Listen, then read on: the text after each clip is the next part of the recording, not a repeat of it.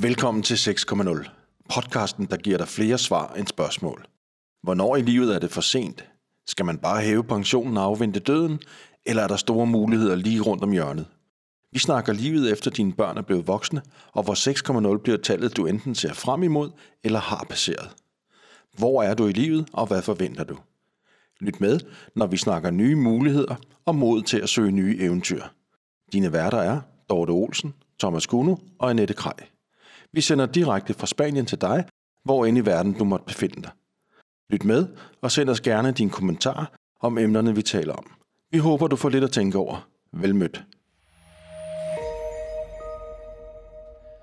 Velkommen til 6.0, programmet, hvor vi taler om det at gøre nogle ting efter eller før man bliver 6.0, altså 60 år. Vi har taget Dorte med i studiet her, som egentlig er ophavskvinde til det her. Og nu vil hun fortælle om sin historie, før hun kom herned til Spanien, for vi sad jo i Spanien i øjeblikket. Så værsgo, Dorte. Tak skal du have, Thomas. Ja, det er jo et anderledes liv at leve, når man er tæt på 6,0. Min idé om at flytte til Spanien er jo startet allerede, jeg tror, 4,0. I hvert fald øh, gik der mange år, hvor jeg bare ud af det blå sagde, øh, jeg flytter til Spanien. Når noget gik mig imod, så sagde jeg, jeg flytter bare til Spanien. Og øh, pludselig, da jeg var øh, 55, så stod jeg faktisk med to kufferter øh, i hånden i Kastrup og var på vej til Marbella. Og hvordan kom jeg dertil? Jeg havde jo øh, øh, ikke en stor gård, men jeg havde da en gård og 40 heste og nogle børn og nogle børnebørn. Men når du bliver ved med at sige, at øh, det her skal ske, det her skal ske, så må du lige pludselig en dag, så, så må du tage beslutningen. Og øh, jeg havde faktisk været hernede øh, og boet øh, en vinter i Marbella. Jeg var træt, og jeg tjekkede ud. Jeg tjekkede ud af familie og børn og jul, og så sad jeg i Marbella og hver aften og kiggede på solnedgangen. Og så tænkte jeg, det her må blive mit liv. Jeg kunne bare ikke forestille mig et arbejdsliv hernede. Og øhm, da jeg så rejste hjem, så kom jeg til at starte dit firma, det er sådan noget, jeg kan komme til. øhm, og alle sagde til mig, hvad skal du med det firma, for du skal jo til Spanien. Og da jeg efter et halvt år ligesom smed tøjlerne på det, så tænkte jeg, jamen så er det Spanien nu. Og så inviterede jeg mine børn hjem øh, en fredag aften, og sagde, at øh, nu er det nu.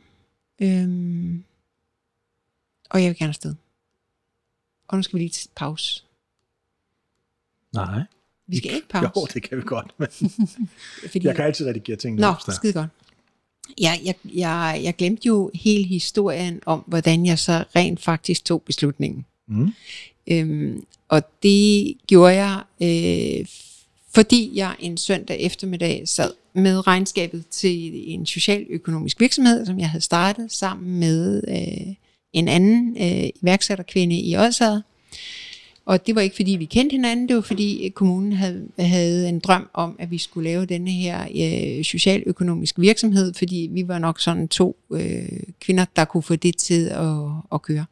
Og vi øh, gik ind i projektet og startede det sammen, uden egentlig at kende hinanden, men man tog det meget derfra.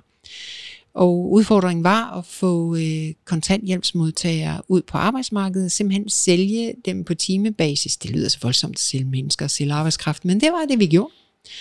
Øhm, og så clinchede vi lidt med, med kommunen i forhold til vores afregninger. Og så besluttede jeg, at det her, det måtte tage en ende. Og så sidder jeg søndag eftermiddag med det her regnskab. Jeg skal mødes med min øh, medejer at øh, den her virksomhed skulle mødes med om mandag. Så jeg skulle lave regnskab klar og fortælle hende, at øh, det, var nok bedst, vi lukkede det hele. Og så gik jeg helt i stå. Kender I det der med, at man laver overspringshandlinger? Hvor man tænker, den bundlinje ser sgu ikke for godt ud. Skal jeg ikke heller gøre noget andet? Så overspringshandling nummer et, det er jo Facebook. Ikke? Så jeg tog min telefon, og så kiggede jeg lidt på Facebook. Og så poppede der et job op i Spanien. Der var simpelthen en virksomhed i Spanien, der søgte øh, medarbejdere. Og så tænkte jeg, jeg tror da lige, jeg går ind og korrigerer lidt på mit CV. Jeg tror da lige måske. Og det gjorde jeg. Og da jeg åbner Facebook næste gang, så popper der et job mere op. Så er det jo signalet. Jeg søgte i begge virksomheder, Og jeg fik øh, lagt det her regnskab frem om mandagen til min øh, søde kollega, så vi var helt enige om, at det her det lukker og slukker. Og så tager jeg så telefonen, der går ud af det her møde, og så er der simpelthen en besked fra øh, en HR-chef i en virksomhed i Spanien, hvornår jeg har tid til en samtale. Det har jeg nu. og øh, det var samtale 1, og så kom jeg til samtale 2 om fredag. Jeg skal lige høre, de samtaler, var det så på telefonen? Det var på telefonen. Ja, Ja, du var det var før? Teams. Det var før Teams. øhm, og, og vi havde en helt fantastisk snak, og jeg kommer til samtale 2 om fredagen. Og det er så samme dag, jeg har inviteret mine børn hjem til spisning om aftenen, vil jeg så sige. Samtale 2, øh, den, det blev en lang samtale, men den sluttede med, at chefen siger, ned fra Spanien, siger, Dorte, jeg ved godt, de andre de siger, at jeg har det med en gang med at tage hurtige beslutninger. Jeg bliver nødt til at gøre det den her gang. Hvornår kan du starte? Og så havde jeg jo købt en enkelt billet. Så jeg vidste jo, at den 26. oktober, der skulle jeg flyve til Spanien. Jeg havde bare ikke fortalt det til nogen endnu. Så jeg sagde, ved du hvad, øhm, jeg kan efter den 26. oktober. Og jeg tror, han sagde, at jeg skulle komme den 4. november. Det kan jeg ikke huske. Det er heller ikke vigtigt. Men i hvert fald fredag aften, træder der fire børn ind ad min dør. Jeg havde lavet meget lækker middag, og min søn kigger på mig og siger, hvad så mor? Har du fået job? Hvor rejser du hen? Så siger ja, jeg har fået job, og jeg øh, rejser til Spanien, og nu flytter jeg. Og der blev helt stille. Der var en enkelt, der sådan tog i bordkanten, og sagde, jeg vil ikke se på dig nu. og så havde vi en lang snak om det, om hvordan vi kunne få det til at virke, og selvfølgelig skulle jeg udleve min drøm. Og øhm, ja, så gik det derfra med, at jeg havde jo ryddet op. Jeg var flyttet ud af gården, jeg var flyttet sammen med nogle venner. Så der var, der var mange ting, som egentlig, alt var jo ligesom lagt i støbeskeen. Altså, det var bare det der med at tage beslutningen, og den, og den blev jo truffet nu. Og på det her tidspunkt, der er du hvor gammel? Der er 55. Så som 55-årig, så vælger du at sige, nu skal jeg til Spanien og efterlader fire voksne børn. Mm-hmm. Og- Og, og to børnebørn, som har boet det meste af deres liv, nej, det meste af deres fritidsliv sammen med mig. Mm. Men også periodisk har de også boet der, ja. Øhm, det jeg nu tænker, det var jo fuldstændig vanvittigt, det var jo, at jeg havde jo ikke solgt den der gård. Den havde jo stået til salg i 10 år, og jeg kunne jo ikke sælge den. Men jeg var simpelthen bare så tilpas træt. Jeg var træt af skatter, jeg var træt af ejendomsmælderen, jeg var træt. Jeg var, jeg var bare træt på det hele. Så jeg tænkte, ved du hvad, hvis jeg ikke får det solgt, så er det fuldstændig ligegyldigt. Så går jeg konkurs. Og hvad så? Altså, jeg skal, jeg må videre. Og så, øh, og, og det kom jeg jo, for jeg har faktisk fået den solgt, og jeg gik ikke konkurs. Øh, hvordan jeg driftede det, det har jeg tit spurgt mig selv om bagefter. Jeg lejede det lidt ud, jeg havde noget Airbnb, og jeg ved ikke, om I kan forestille jer, at i en nytårsmorgen bliver ringet op, fordi at der er kommet en familie, der har kørt hele vejen op gennem Europa, fordi de skulle bo i mit hus i Asmindrup, åbner døren, og vandet pisser ud over gulvene. Og jeg bare sådan kom til at sige, ej, det er ikke særlig smart, men jeg er jo i Spanien, så hvad skal jeg gøre ved det? på en eller anden måde, så var der bare nogle ting, blev nemmere, når jeg var på distance, og det var jo, fordi jeg har nogle super stærke relationer i Danmark, så jeg vidste jo, hvem jeg skulle ringe til. Jeg vidste jo, hvem der kunne lave fyret. Jeg vidste jo, hvem der kunne rydde op efter vandet, og ja, de blev også boende, de der mennesker, i et par uger. jeg snakker stadigvæk med dem. øhm, men jeg, jeg når så hen til, da jeg har været væk i syv måneder, og på ingen måde havde lyst til at gense Danmark. Der reagerede min ældste datter og sagde, mor, nu køber en flybillet, du skal komme hjem, jeg har brug for dig, du skal hjem og passe dine børnebørn. Og vi skal nok også kigge på det med det hus der, for det er jo ikke solgt endnu. Det var faktisk en, en, en volds, det var en større beslutning for mig, at jeg skulle tilbage til Danmark og konfronteres med, med de ting, end, end det var en beslutning at rejse ud. Som jeg husker det. Men øh, jeg købte en flybillet, og jeg tog hjem til Danmark. Jeg passede mine børnebørn, og så mødtes jeg med mine andre børn. Og den ene, hun ville gerne lige handle nogle ting i Holbæk. Og så sagde jeg, hvad, jeg kan godt køre for dig, men jeg går ikke ud af bilen. Jeg går ikke ind i en butik. Jeg vil simpelthen, jeg, jeg er slet ikke klar til at møde verden endnu. Og det, øh, det fik jeg lov til. Så jeg, jeg klarede turen til Holbæk, og hun fik handlet det, hun skulle. Og jeg fik også øh, sagt til maileren, ved du hvad, jeg er fuldstændig ligeglad. Nu skal du sælge det hus. Jeg er ligeglad, hvor mange millioner der ligger. Jeg skal lægge på taget. Jeg kommer ikke hjem og bor i Danmark igen. Jeg er, det er slut. Jeg har et fantastisk liv i Spanien, og jeg har en super god arbejdsplads, der virkelig havde taget hånd om mig. Og ja, jeg fandt jo noget Airbnb og flyttede lidt rundt og oplevede en super, super mange gode ting. Og så blev huset solgt, og jeg lagde 3 millioner på taget. Og ved I hvad? Jeg er så ligeglad. Det gav mig så meget frihed, og jeg kom væk fra hamsterhjulet, og ja, det virkede, øh, har virket super godt med børnene indtil corona. Men det er jo en historie for sig. Så beslutningen om at, at tage afsted, den er jo længe undervejs, eller hvad? Hvor lang tid er du om Den det? er undervejs i 10 år. Men i 10 år, hvor det sådan er en, sådan en øh, kender I det, at en beslutning kan være sådan lidt overfladisk. Det kan være noget, man siger, hvor man ikke helt kan mærke, hvad er øh, konsekvensen af det her. Eller det kan være en beslutning, man siger, fordi man har gennemtænkt det, og det her, det skal ske, og man går målrettet efter det. Men der var jeg slet ikke nået før, at jeg sad med det her regnskab. Så tænkte jeg, hvis jeg nogensinde skal tage springet, så skal det være nu. Ja, Men i alle de 10 år, var det så Spanien, der var målet, eller var det bare at komme væk?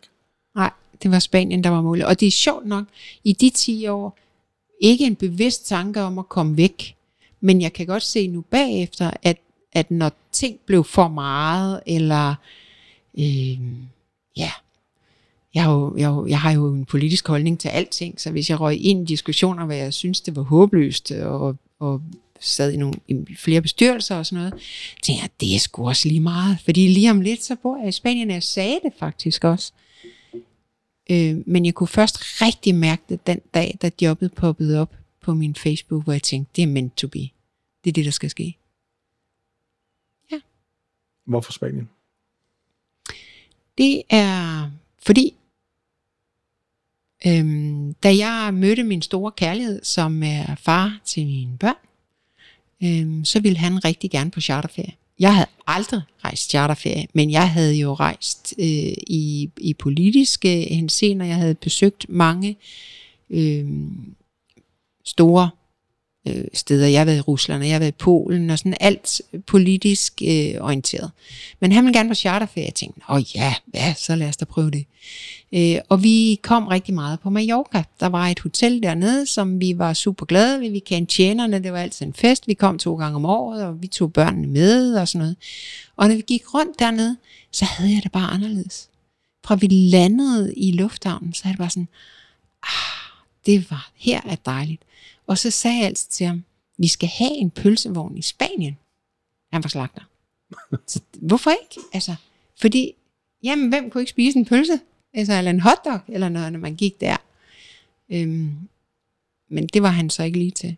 Så faktisk, da jeg blev skilt, så snakkede jeg med børnene om, at jeg bliver på gården, og det skal jeg nok kæmpe for, indtil I har fået en uddannelse og er flyttet hjemmefra, men så rejser jeg til Spanien. Efter at være flyttet til Spanien, så har jeg tit tænkt, hmm, jeg kunne også flytte til Portugal, eller Grækenland, eller Filippinerne, eller... Men nej, det var Spanien. Hvorfor så ikke Mallorca? Det er grisefester. Ej, ej, ja, nej, det ved jeg ikke. Det ved jeg ikke, hvorfor. Nå. Nej, og, og jeg var helt sikker på, at jeg skulle bo i Marbella. Og det startede jeg også med. Men så fik jeg job i Tormolinos. Der er nogle lavpraktiske ting, der, der ikke helt spiller på en spansk løn, vil jeg så sige. Det er jo så en historie for sig, at øh, jeg gik fra en... Øh, altså, Ja, jeg, jeg har tjent mange penge i mit liv, og jeg vil gerne afsløre, at, at jeg igennem adskillige år havde en, måneds, en månedlig indtægt på 90.000 danske kroner. Øhm, så det sætter jo en standard i en familie, kan man sige. Øhm, og så kom jeg til Spanien, og så startede jeg med at få 1150 euro. så det var jo... Øhm, Det var også kun dig selv, du skulle forsørge. det var det plus de der øh, udgifter på huset, men det var der jo så sat lidt til side til, kan man sige. Øhm, men ja, der, der går en periode ind, så man finder ud af, at en euro er en euro. og det er faktisk er 7,5 og ikke en krone. Okay. Men det er jo Ja. også billigere at, at købe tingene i Spanien. Mange tingene i hvert fald er meget billigere mad og, og lignende, ikke? I forhold Mm. til. Jo, men jeg kan så se, at på de år, jeg har boet hernede, nu har jeg boet her i fire år, ikke? så stor forskel er det faktisk ikke. Det er, at tingene er steget betydeligt i Spanien. Det er jeg rigtig glad for. Nu har Dorte et stykke tid, siden hun har været i Danmark og købt ting. Vi har lige været en tur i Danmark, og jeg kan sige, at tingene er også steget betydeligt i Danmark. Nå, Så okay. prisforskellen er stadigvæk den samme. Men, An, ja. men jeg vil egentlig hellere høre, fordi det er jo en spændende historie med, at du, du går i 10 år og tænker på, at du skal til Spanien. Det blev så ikke til en pølsevogn. Fred være med det. Det Nej, kunne faktisk være, stadigvæk være en god idé hernede. øh, men, men det kræver også lidt mod at ligesom sige, nu gør jeg det, og efterlade fire børn og to børnebørn, mm. og, og det man så har derhjemme, og ikke videre, man har solgt gården, øh, eller ejendommen, eller hvad man Mm. nu har. Ikke? Det er jo det er lidt af et spring, Ja. som nogen måske tager i en alder af 20 år. Der var Mm. du lidt mere livserfaring øh, på, Mm. på Som sidevognen. 20 år har man nok ikke en gård. Det er der nogen, der har, men rigtigt. Der er, men, men stadigvæk, det jeg mener, ja, som 20-årig, der har man mm. måske ikke så mange øh, forpligtelser, eller jeg ved ikke, man kan kalde det forpligtelser, men der har man i hvert fald ikke så meget, som man skal vende tilbage til på, på samme måde som, som i din alder, som var vel 54 eller sådan noget. Mm. 55. 55, ja. Ja. Jeg, fyldte, jeg var fyldt 55 om sommeren, som jeg så rejste ud øh, 26. oktober. Ikke? Ja, 55, det er også en, en, hvor man kan sige, det er en modebeslutning, ikke? det er rigtigt. Hmm. Hvilke andre overvejelser og eventuelt øh, samtaler havde du så med dine børn omkring det? Øhm, nu har jeg opdraget mine børn til at klare sig selv og være meget selvstændige, men jeg har også altid været der meget, og været der meget med, med, med et sikkerhedsnet, så vi har, de, vi har meget sammen. Øhm, på det tidspunkt, der var det mest mine børnebørn, der bandt mig. Øh, og da de var på vej i sådan en 7-7-ordning, hvor jeg kun havde kontakt til dem, når de var øh, hos min datter, så kunne jeg godt se, at skulle hun leve et familieliv øh, med sine børn to uger om måneden, det vil sige to weekends om måneden, øh, vi skulle begge passe hver vores arbejde, så var jeg selvfølgelig disponibel, øh, fordi sådan havde jeg indrettet mit arbejdsliv, at jeg kunne hente dem, hvis de var syge i institution. Men realistisk så havde jeg måske en halv dag, eller en, lad os så sige, jeg havde en, en lørdag om måneden med mine børnebørn.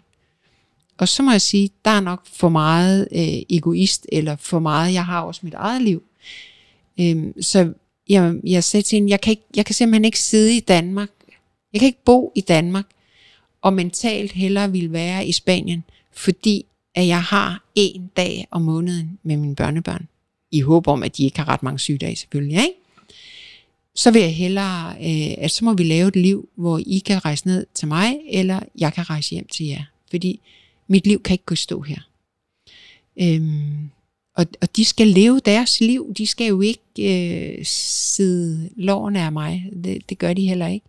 Men, men det der med at have en base, det har været hårdt med nogle af dem. Ingen tvivl om det. Øh, og ja, der har også været perioder, hvor jeg har tænkt, nu bliver jeg nok nødt til at, at rejse hjem. Men, men vendepunktet var, øh, da øh, en af mine døtre, som havde det allersværst med, at jeg rejste ud, hun var nede og besøge mig første gang, havde sin nye kæreste med, og jeg havde ikke ret meget plads at bo på. Vi lå næsten i ske. Da de flyver hjem, så siger han til hende, Michaela, prøv at se, det her er jo bare vores nye hjem. Det er jo lige meget, om din mor bor i Danmark eller Spanien. Tænk så, nu har vi, nu har vi base to steder. Det er da fedt. Og så vendte det fuldstændig for hende. Og aftalen var faktisk, at når hun skulle få børn, så skulle jeg flytte til Danmark igen. For hun kunne ikke overskue at skulle have børn, hvis ikke øh, der var den mormor, som de havde oplevet til de andre børnebørn. Og så gik der ikke ret lang tid, så ringede hun, og så sagde hun, jeg tror sgu også, jeg kan få børn, uden du er her. Det skal nok gå alt sammen. Så det er jo fedt. Det er også et spørgsmål om, at man viser sine børn, at tage dog de chancer, tage dig de muligheder, der er i livet. Mm. Ja. Altså, der er jo mange, der går og har sådan en idé om det, du startede med at sige, hamsterhjulet, at, at man gerne vil væk fra det, men har måske ikke, eller tør måske ikke at tage og forlade familien, eller hvad man skal mm. sige. Hvad, hvad tænker du om det? Sådan? Jeg, jeg har virkelig medlidenhed med de mennesker. Jeg synes, det er, jeg synes, det er synd. Jeg synes, det er ærgerligt, at...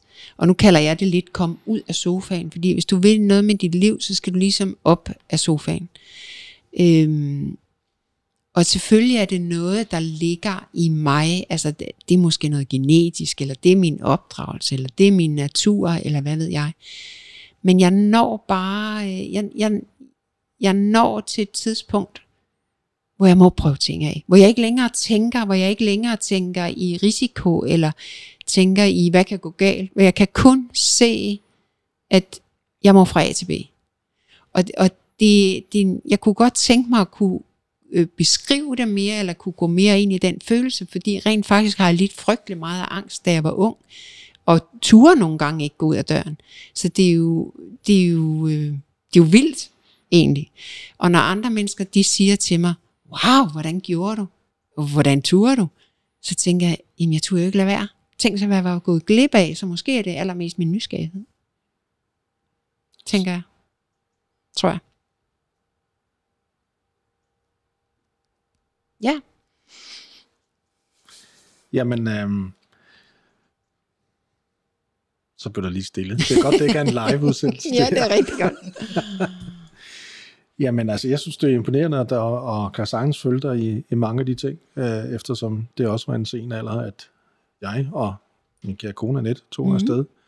Øhm, men, men jeg tænker også, at, at der er jo mange, der kigger på en og tror, når man tager til Spanien, så er det et spørgsmål om at sidde ved poolkanten og have margaritas og alle de her ting. Øh, jeg kan huske, at jeg kom hjem en enkelt gang, hvor en af mine øh, naboer sagde, jamen, du er jo ikke særlig brun.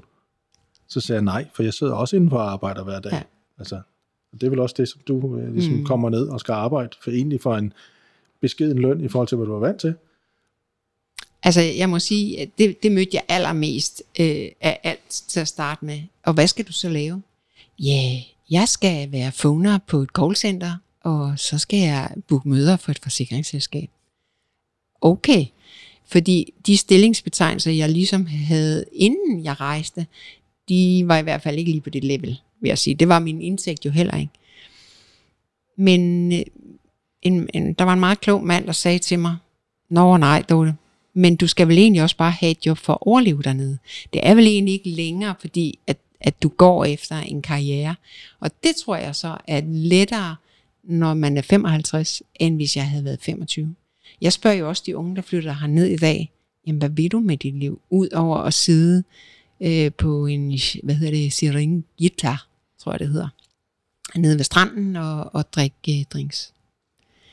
Øhm, jeg, skal ikke, jeg skal ikke fylde mit liv med drinks. Og jeg må sige, jeg havde været her i tre måneder, så var det et no-go at drikke en, altså at drikke spiritus. Fordi det er det, alle gik hjem fra arbejde, så gik de lige hen, så fik de lige et par af øh, gin og tonic, eller hvad de nu fik, hvor jeg tænkte, det er mit liv bare ikke til. Jeg vil ud og opleve Spanien, jeg vil bruge mine, mine penge og min tid på noget andet, jeg vil lære spansk, jeg, jeg, jeg vil lære noget. og, og det er der selvfølgelig forskel på. Der er også forskel på, om man flytter herned for et halvt år, eller herned for en vinter, eller jeg havde jo besluttet, at det her det ville komme til at lykkes. Uanset hvilke udfordringer jeg mødte, så måtte det komme til at lykkes. Har du, har du mødt sådan nogen, når du kommer hjem til Danmark og, og snakker med din gamle omgangskreds i, i det omfang, du gør det? Har du så mødt nogen, ud over det med stensbetegnelsen, som ligesom har spurgt ind til nogle ting, som, som gør, at, at de måske ikke helt forstår, hvordan det er at flytte udenlands? Eller er bange for det i virkeligheden? Altså, når vi ser bort fra det her med, øh, med indtægten og stillingsbetegnelser og karriereforløb og sådan noget, så er det næste, det er jo, øh, jamen hvad med dine børnebørn? Hvad med dit familieliv? Hvad med dine børn? Øh, og det kan man godt lade sig begrænse af, men man kan jo også sige, at det er en anden slags familie. Øhm, så, så det er nok mest de der ting, øhm, jeg er blevet konfronteret med. Altså folk spørger til, hvad du laver som udgangspunkt i Ja, men så er det jo, ja, de spørger også meget, hvad laver du? Mm. Og når jeg så siger, ikke en skid, så, bliver de, så bliver de også forundret, fordi jeg jo altid har haft gang. Jeg er jo iværksætternatur. Jeg havde jo altid gang i 10 ting. Ikke? Så når jeg siger, at jeg laver faktisk ikke en skid. Jeg sidder faktisk og kigger ud over havet, eller jeg læser en bog, eller jeg går en tur, eller jamen, jeg har jo også venner hernede. Øhm, Ja, for det er jo så et næste spørgsmål. Hvad laver du egentlig? Når Ja, du ikke jeg arbejder. egentlig? Jamen, jeg, læ- jeg, har, jeg har læser vildt mange bøger. Og, og jeg vil så gerne lære det spanske sprog. Og så vil jeg sige, at jeg har set rigtig, rigtig, rigtig, rigtig meget af Spanien. Så når jeg kører rundt i Spanien, bevæger mig rundt i Spanien, om det er Spanien eller det er Danmark, der er lidt med sproget, ikke? Men, øhm, men ellers så er det sådan same, same. Jeg, jeg, jeg smiler tit, når jeg kører i København. Så tænker jeg, gud, det skulle da lettere at køre i Malaga, end det er at køre i København. Og, og der er mange, der siger, nej, så du kører dernede. Ja, det er da mere sikkert at køre i Spanien, end det er at køre i Danmark. En af de første gange, jeg var hjemme, der var jeg ved at køre ud for en lastbil.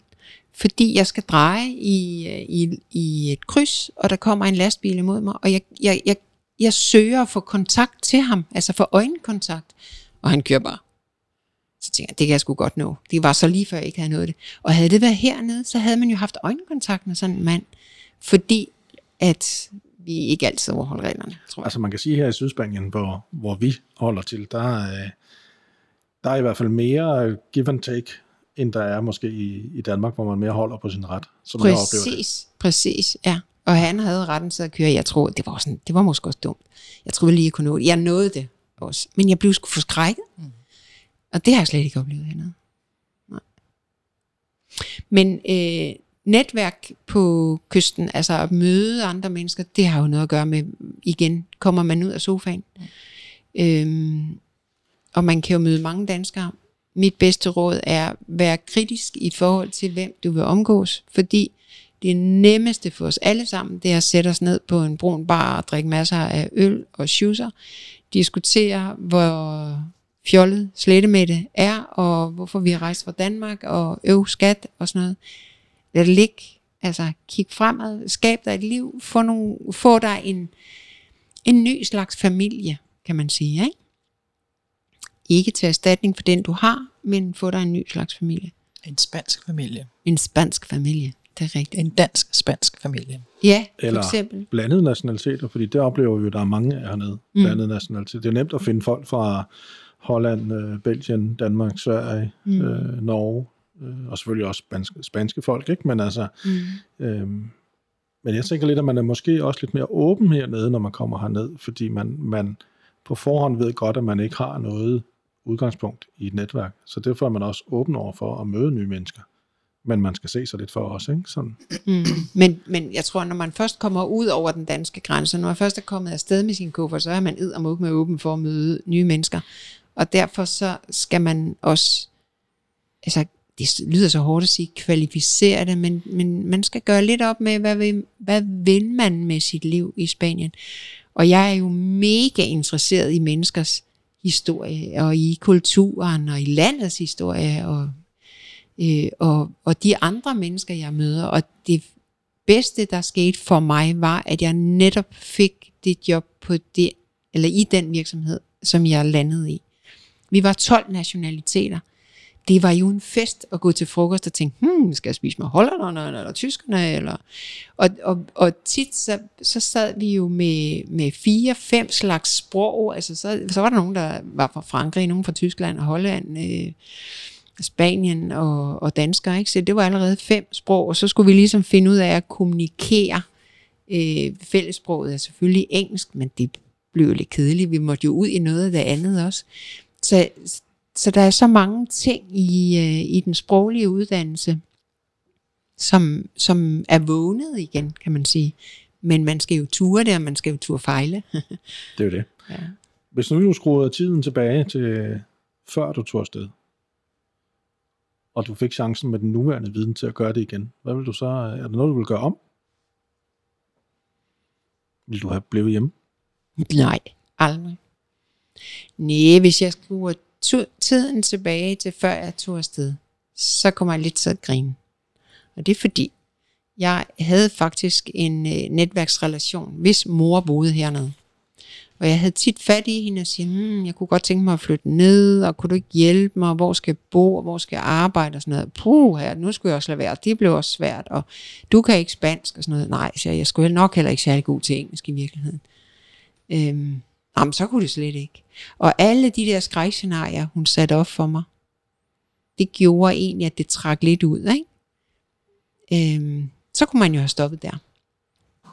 Men man kan jo også tage turen med hornene og sige, at jeg vil selv ud og opleve det. Så det du mener, det er, at hvis, hvis du, hvis du med den viden, du har i dag, så vil du måske have gjort det tidligere. Nej.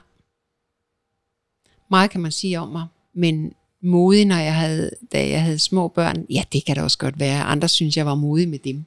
Men jeg var ikke rejst ud med børn. Nej. Jeg har stor respekt for dem, der rejser ud med børn. Det var jeg ikke. Hvorfor ikke egentlig? Hvad, hvad tænker du i den sammenhæng? Øhm, det har været vigtigt for mig, at de havde et, et barndomshjem, og at de fik en dansk uddannelse, og at de fik et, øh, et tilhørsforhold til et land. Og det kan være, fordi jeg ikke ved, hvordan øh, øh, børn, der bliver flyttet rundt med, øh, hvordan de oplever det. Det ved jeg ikke en dyt om.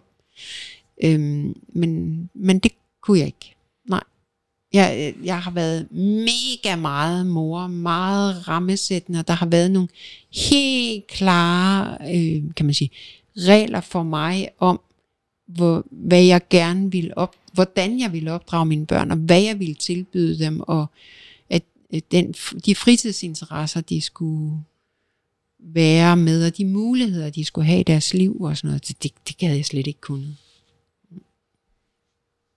Så tiden den var rigtig på det tidspunkt. Tiden var fuldstændig rigtig på det tidspunkt.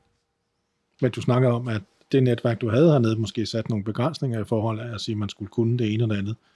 Mm, ja. Men det var så måneder, vi snakker om, eller?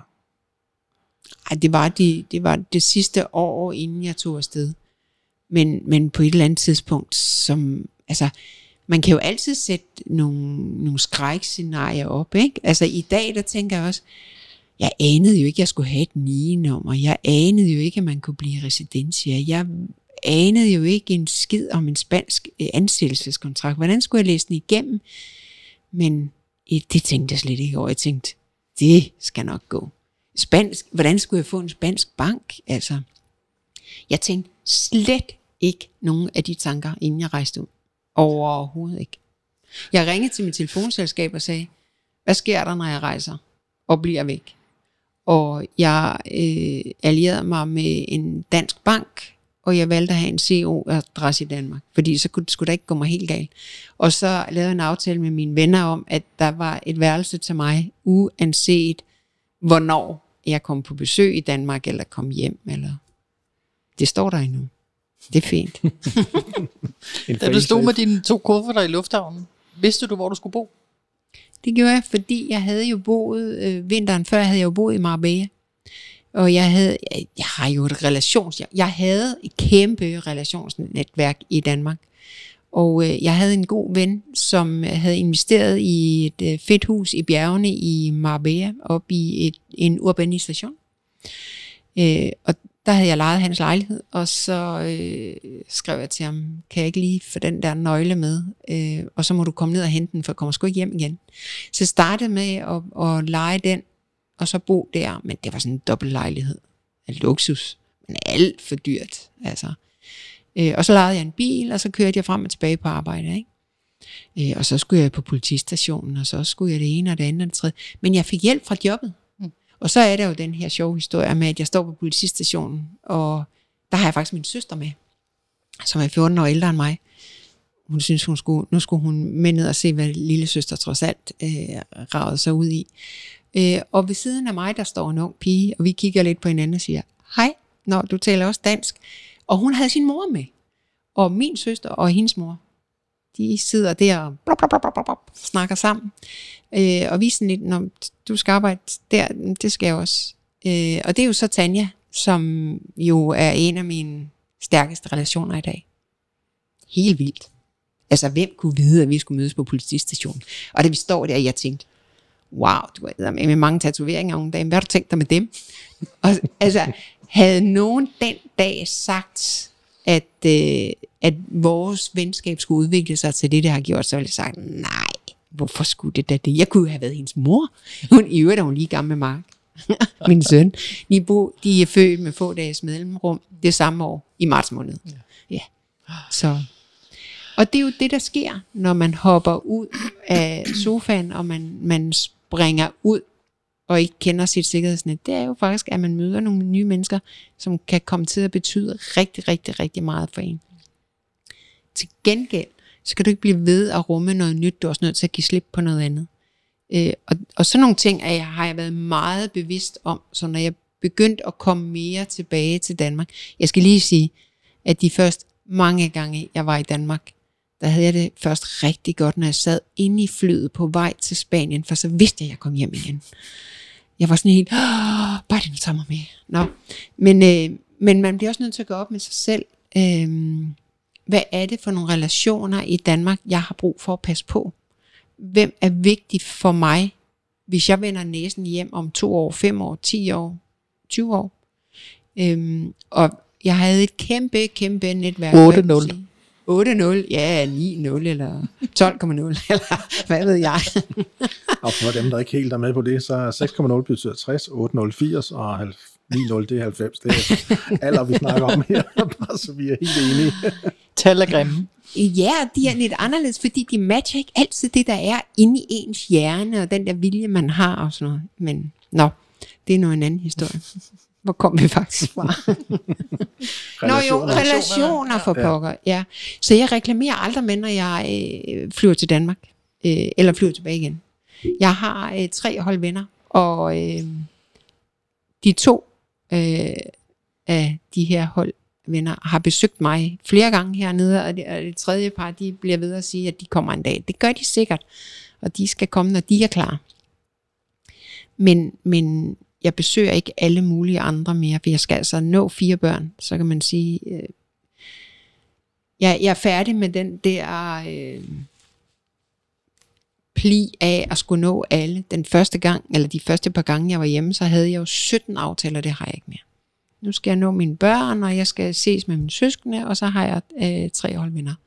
Sjovt nok, så er det tre par, som har været par, siden de blev øh, kærester, gift, og har holdt sølvbryllup og alt det der, hvor jeg tænker, jeg ved, hvordan de gør.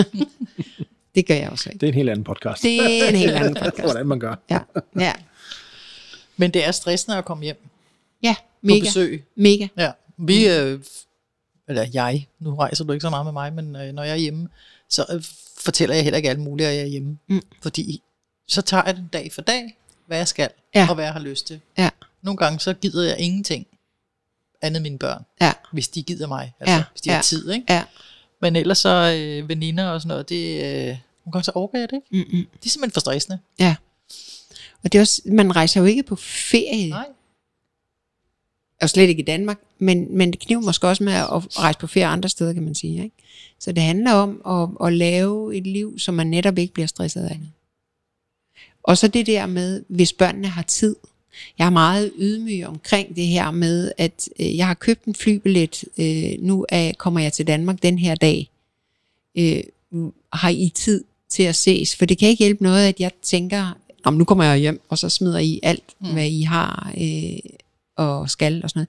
De skal jo passe deres liv. Mm. Og så til gengæld, når de er på besøg hos mig, så øh, passer jeg også det, jeg skal. Gå på arbejde, eller ses med venner, eller hvad ved jeg. Mm. Jeg prøvede faktisk at regne lidt på det på et tidspunkt. Øh, Det kom sig af, at øh, her i området, der bor også et, øh, et ældre par, øh, som øh, de er nogle 70-80 år. Og hun sagde til mig på et tidspunkt, at når hun havde børnebørn på besøg, så var det jo dejligt, for man var glad for at se dem, fordi det var lang tid siden, man havde set dem.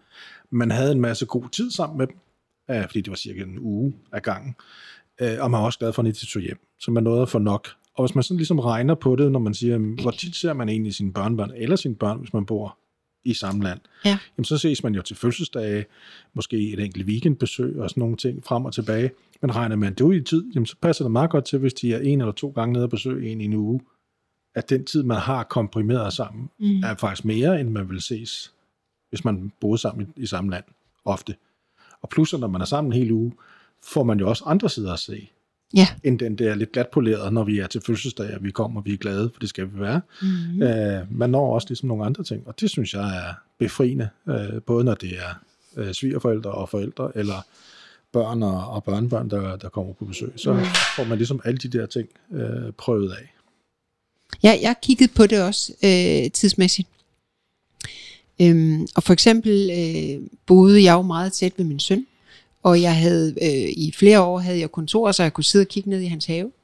Og vi talte stort set aldrig sammen. Øh, vi gik ud og spiste øh, sammen, mm, måske hver anden måned, eller han kom hjem og spiste, eller sammen med sin kæreste selvfølgelig.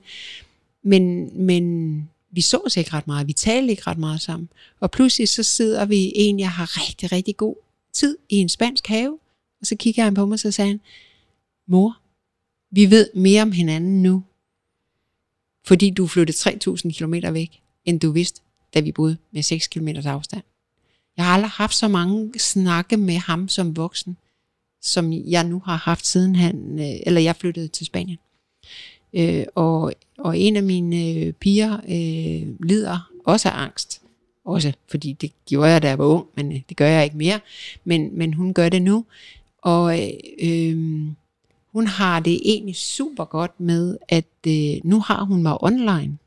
Så når hun ryger ud i de der øh, angstperioder, hvor hun slet ikke kan være til, så er vi på FaceTime, og som hun siger, nu kan jeg sgu slukke for dig, når jeg ikke gider at høre på dig mere. Men jeg kan også ringe op igen om 10 minutter. Før der sad du i min stue, og så skulle jeg tage mig sammen til at bede dig om at gå, for jeg ikke kunne holde dig ud mere. At, at på den måde har hun virkelig profiteret af, og hun siger, du er meget mere nærværende nu, du har meget mere tid. Og så kunne jeg jo have hende på iPad'en, og så gik vi begge to og lavede mad, og så gik vi og snakkede lidt sammen. Og, og så kunne hun sige, jeg gider ikke mere, Lukas kommer hjem, hej. Og så går der måske tre uger, før man hører fra hende igen. Men, men på en eller anden måde, lige præcis det der med, tiden sammen er noget helt andet. Altså meget mere kvalitet. Det er jo også fordi, at man, man ved, når man går på FaceTime, eller hvad man nu bruger til, og, og man snakker via telefon, når man snakker øh, på den måde, så er man... Jeg kan også snakke med, med min datter i timer, hvor vi så laver noget. Nogle gange så er vi bare helt stille. Ja. Og så sidder vi begge to og laver noget, men så snakker vi mange forskellige emner igennem. Det kan også bare være fem minutter, mens hun er på vej i netto.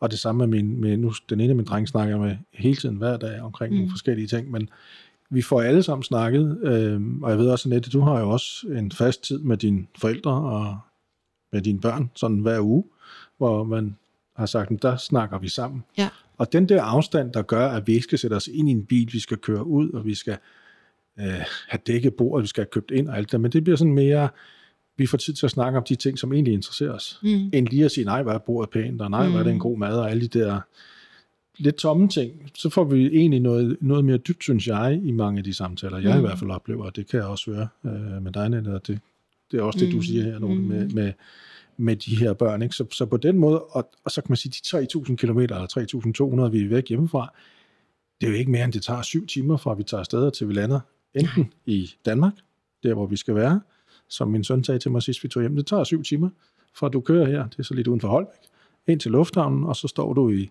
Malaga, så tager det øh, 25 minutter, så er vi faktisk hjemme i stuen. Mm. Så cirka syv timer frem og tilbage, alt i alt med flyvetur og Mhm. ventetid i lufthavnen. Mm. Det er jo ikke, fordi det er så lang tid. Mm.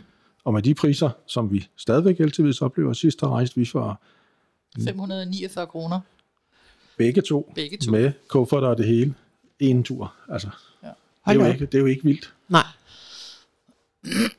altså, da Malou boede i Horsens, der kørte jeg over til hende en gang om måneden. Og det kostede mig mere, end det gjorde, gør at rejse til Spanien. Mm. Jeg vil er så sige, at uh, to hotdogs i lufthavnen koster 65 kroner, så det, det, var, det var faktisk det, det dyreste punkt på, på den tur. Ja, Men ja, altså, man kan komme frem og tilbage for, mm. for en fornuftig uh, penge, hvis man mm. vælger de rigtige tidspunkter, og ikke afhængig af, at man skal tage højtider og alt ja det det er så lige det. Mm. Jeg har faktisk lige spurgt mit ældste barnebarn, fordi det er, er øh, ingen hemmelighed, at, at vi har et helt særligt bånd, for hun boede det, de første flere måneder sammen med sin mor hjemme med mig. Øh, så Hvor jeg har, er hun? Hun er 11. Hun er 11. Øh, så jeg er jo, øh, altså, jeg er jo hendes fundament i det der. Øh, og det er nok der, hvor det kan gøre mig ondt, hvor jeg tænker, ah, hun kunne måske have haft godt af, at jeg havde beholdt gården, at hun var også begyndt at ride, og jeg havde givet hende en hest, og nu øh, skred mormor bare til Spanien. Så det, den snak har jeg faktisk lige taget med hende og sagt, hmm, kunne det, synes du faktisk, at det var en god idé, mormor at flytte hjem igen? Nej, sagde hun, det synes jeg faktisk ikke. Fordi det er simpelthen så dejligt at komme på ferie i Spanien, og mormor, så har vi så meget god tid sammen, og vi laver så mange ting sammen. Og hun er jo nu allerede i den der alder, hvor hun har veninder, og hun skal i skole, og så skal hun være hos far, og så skal hun være hos mor. Så, så når jeg er der, så har hun allerede opdaget det der med, at hun er sgu ikke selv rigtig til stede i det. Det, altså, det matcher lidt den der med, at vi skal lige nå til fødselsdagen, og øh, vi skal huske at købe gaven, og, sådan, og så kommer vi ind til fødselsdagen, og så er vi stadig lidt på arbejde, og fordi om lidt skal vi hjem og fortsætte. Ikke? Men når man besøger hinanden på denne her måde, og de kommer til Spanien, så har vi en hel uge sammen. Der kan man så sige, at Annette, hun har det også med, at, at Carla, barnbarnet, ringer jo på FaceTime i tid og utid. Ja. Altså på en god måde, ikke? Ja, ja, ja. Og ja. lige siger, hej mormor, ja. og jeg skal lige vise dig noget. Nu leger jeg lige med hende her. Hvad er det? Hun Ja. er syv nu, ikke? Og så, så snakker I lige sammen i fem minutter, og så er hun væk igen. ja. Mm. Og det er jo egentlig en, en dejlig befriende måde, at man sådan ikke har behov for at, at, at skal være der andet, end at man er der, når de egentlig har behov for en. Mm. Det er der, vi i Præcis. gamle dage kaldte kvalitetstid sammen med ja. vores øh, børn. Ikke? Jo. Og den er jo til stede. Og når hun så er hernede, øh, som, som de var på et tidspunkt med, med mor og, og, og kæreste der, jamen så, øh, så var det jo bare hyggeligt i mm. en hel uge ikke? Med, med de ting. Ikke? Mhm. Så jeg synes egentlig, at man sagtens skal holde de relationer. Jeg tror bare, at i Danmark er vi vant til, at afstanden er så korte. Mm. Man synes jo, der er langt til Jylland, hvis man bor på Sjælland, eller i Ja. København i hvert fald. Men, men i virkeligheden, så er afstanden jo ikke så lang, og slet ikke med den teknologi, vi har i dag. Mm. Vi skal jo ikke vente 14 dage på, at et brev kommer frem og tilbage med Nej, luftpost. det skal vi så ikke. Nej. Heldigvis. På snor. ja. Ja. Så, så på den måde synes jeg egentlig, at at relationer, som vi snakker om før, at, at dem kan man sagtens vedligeholde Mm. og have til familie og, og, og, Og det kan man sagtens. Mhm. Altså, øh, jeg spiller jo spil med mine børnebørn over Messenger, og jamen, jeg har nok heller aldrig talt så meget med min søster, som jeg gør nu, for eksempel. Øh, og jeg spiser frokost med en af mine veninder i Danmark, fordi øh, jamen, der er vi da lige nødt til at forklare alle de der ting øh, omkring verdenssituationen og corona. Og, øh, ja, hun har også fået børnebørn, dem skal jeg også høre om. Jamen, så spiser vi frokost sammen lørdag til middag, eller fredag aften, eller hvad ved jeg. Ved FaceTime. Vi er FaceTime. Ja, Ja, ja, Så laver ja. vi hver vores mad, og så sidder vi der, og så mm. Skåler vi med lidt vin. det, det er jo hyggeligt. Men det er jo nogle, nogle fantastiske tider nu, fordi jeg kan jo huske, at min storebror, han er rejst til Australien. Der var jeg ikke ret gammel. Han er noget ældre end mig. Og jeg, og jeg kan huske det der, når posten kom med, med brevet, det var sådan et Luftpost. særligt luftpost, mm. Mm. og så havde det sådan nogle blå og røde øh, streger ude i siderne. Og når posten kom med den slags brev, så, ki- så vidste jeg bare, nu græder min mor. Jeg vidste ikke hvorfor, men det, vil, jeg tænkte, Nå, men det der brev, det betyder, at hun græder. Og, og det betyder, at lige om lidt, så skal jeg bare være stille, for så skal hun skrive et brev og sende igen. Fordi det var jo tre uger undervejs. Så først så gik der jo tre uger på, at hun fik brevet, og så skulle han jo have tilbage. Så Det var så, Så det var med at skrive med det samme. det var del med med at skrive med det samme, ikke? Altså, det må jeg så sige. Jeg har sendt breve til mine børnebørn nogle, nogle få gange, fordi de skal vide, hvad et brev... Altså, det er fedt at hente brev i postkassen, ikke? Men ellers er det jo på FaceTime og... Ja, vi har også fået en enkelt pakke eller to en gang imellem, ikke? Mm. Og du har sendt noget hjem, Annette, til, Ja. til ja. så er det ellers pakker, vi får hernede. Det er fra Amazon. Dejligt. Du de kommer gerne. De kommer tit. Du får. ja. Men øhm, hvis vi så skulle ligesom spole tilbage, fordi det vi egentlig snakker om her, det er jo den her tid op til, eller efter 6,0, og at man egentlig godt kan tage nogle chancer i livet, selvom man er kommet op i årene, som man siger. Selvom man er oppe i årene, kan man godt være ung og frisk i hovedet og i kroppen. men, men altså, det jeg også tænker på, det er, hvad, hvad føler du så har været den største oplevelse her, de her, øh, der har været mange sikkert, sådan, både på det personlige, sådan, men sådan på de sidste fire år her i Spanien? Det har helt sikkert været at lære kulturen at kende. Det har virkelig, det har virkelig givet rigtig meget. Og jeg griner hver eneste morgen, når jeg cykler på arbejde.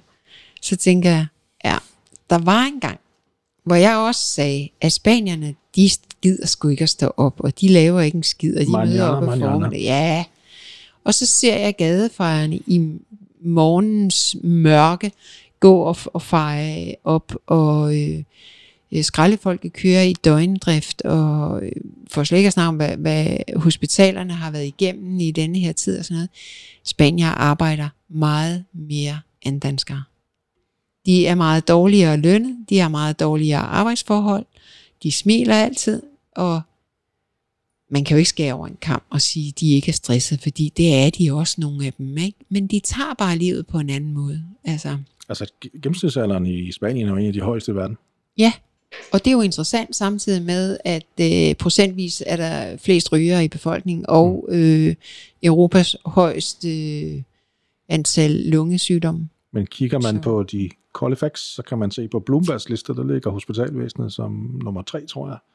Hvor det danske hospitalvæsen ligger nummer 54. Og inden corona lå Spanien øh, som øh, Europas bedste hospitalvæsen. Mm. Plus politiet, det ligger faktisk også som et af de mest effektive. Ja, så. Det er de med med os. Men det er også alt sammen noget, det er alt sammen noget, vi også tager i en, i en anden podcast, mm. tror jeg, hvor vi begynder at snakke lidt mere om det, og så komme til Spanien, hvad man mm. sådan rent øh, reelt skal have hernede, for at kunne komme i gang og få job og alt sådan mm. nogle ting. Du nævnte lidt med spansk Ja. kontrakt og sådan noget. Det synes jeg, vi skal tage i en i anden runde. Ja. De planen er jo at lave tre runder her. Den første runde her var tiden før, og så kommer vi i anden runde, hvor vi vil snakke lidt om, når man så lander, hvad skal man så have gang i? Og tredje runde, det bliver så efter, hvad oplever man? Så skal vi have fat i alle hemmelighederne for Dorte. Ja, så, men jeg ved ikke, spændende. øh, har vi mere her til første runde, Dorte, eller, sådan, eller har vi nået det hele rundt? Ellers så har vi jo to runder mere, hvor man lige kan vende tilbage. Ja, hvor man lige kan rise op. Ja. Jeg Altså, tror ikke, der er meget, Dorte ser meget tænksom ud, så Ja, men jeg, jeg tænker, jeg, jeg, jeg ved stadigvæk ikke, øh, hvorfor tør man gøre det, når man er tæt på 6,0. Det ved jeg ikke. Der er noget med ens natur at gøre. Man skal, man skal nå noget. Man har også et andet, et, et nyt liv igen. Og man kan også godt nå det, selvom man er et par. Det kan man Sagtens. Ja. Det er ikke kun fordi man er Single. enlig, Mm-mm. eller enlig, single. Mm. Ja. Mm. at rejse er at leve, sagde en berømt dansker, Ja, Hans Christian. Andersen, som i øvrigt står inde i Malaga, fordi. Malaga er venskabsby med Odense, eller var det de steder, hvor han godt kunne lide at komme, mm-hmm. den gode Hans Christian. ja, det er rigtigt. Men det må blive en anden historie. Det bliver en anden historie. Det er fordi, der er så mange brunhårede mænd. der bare Godt, jeg tror, vi runder af her i Ja. første runde og siger tak, fordi I gad at lytte med. Og så håber jeg, at vi måske også får jer til at lytte med til anden runde, og måske helt til tredje runde. Men tak for første runde. tak for nu. selv tak. Du har lyttet til et afsnit af podcasten Stemmer fra Spanien. Denne udsendelse er optaget og produceret af Thomas Kuno. Hvis du synes om det, du hørte, må du meget gerne dele og anbefale den til andre. Tak fordi du gav dig tid til at lytte med. Vi høres ved.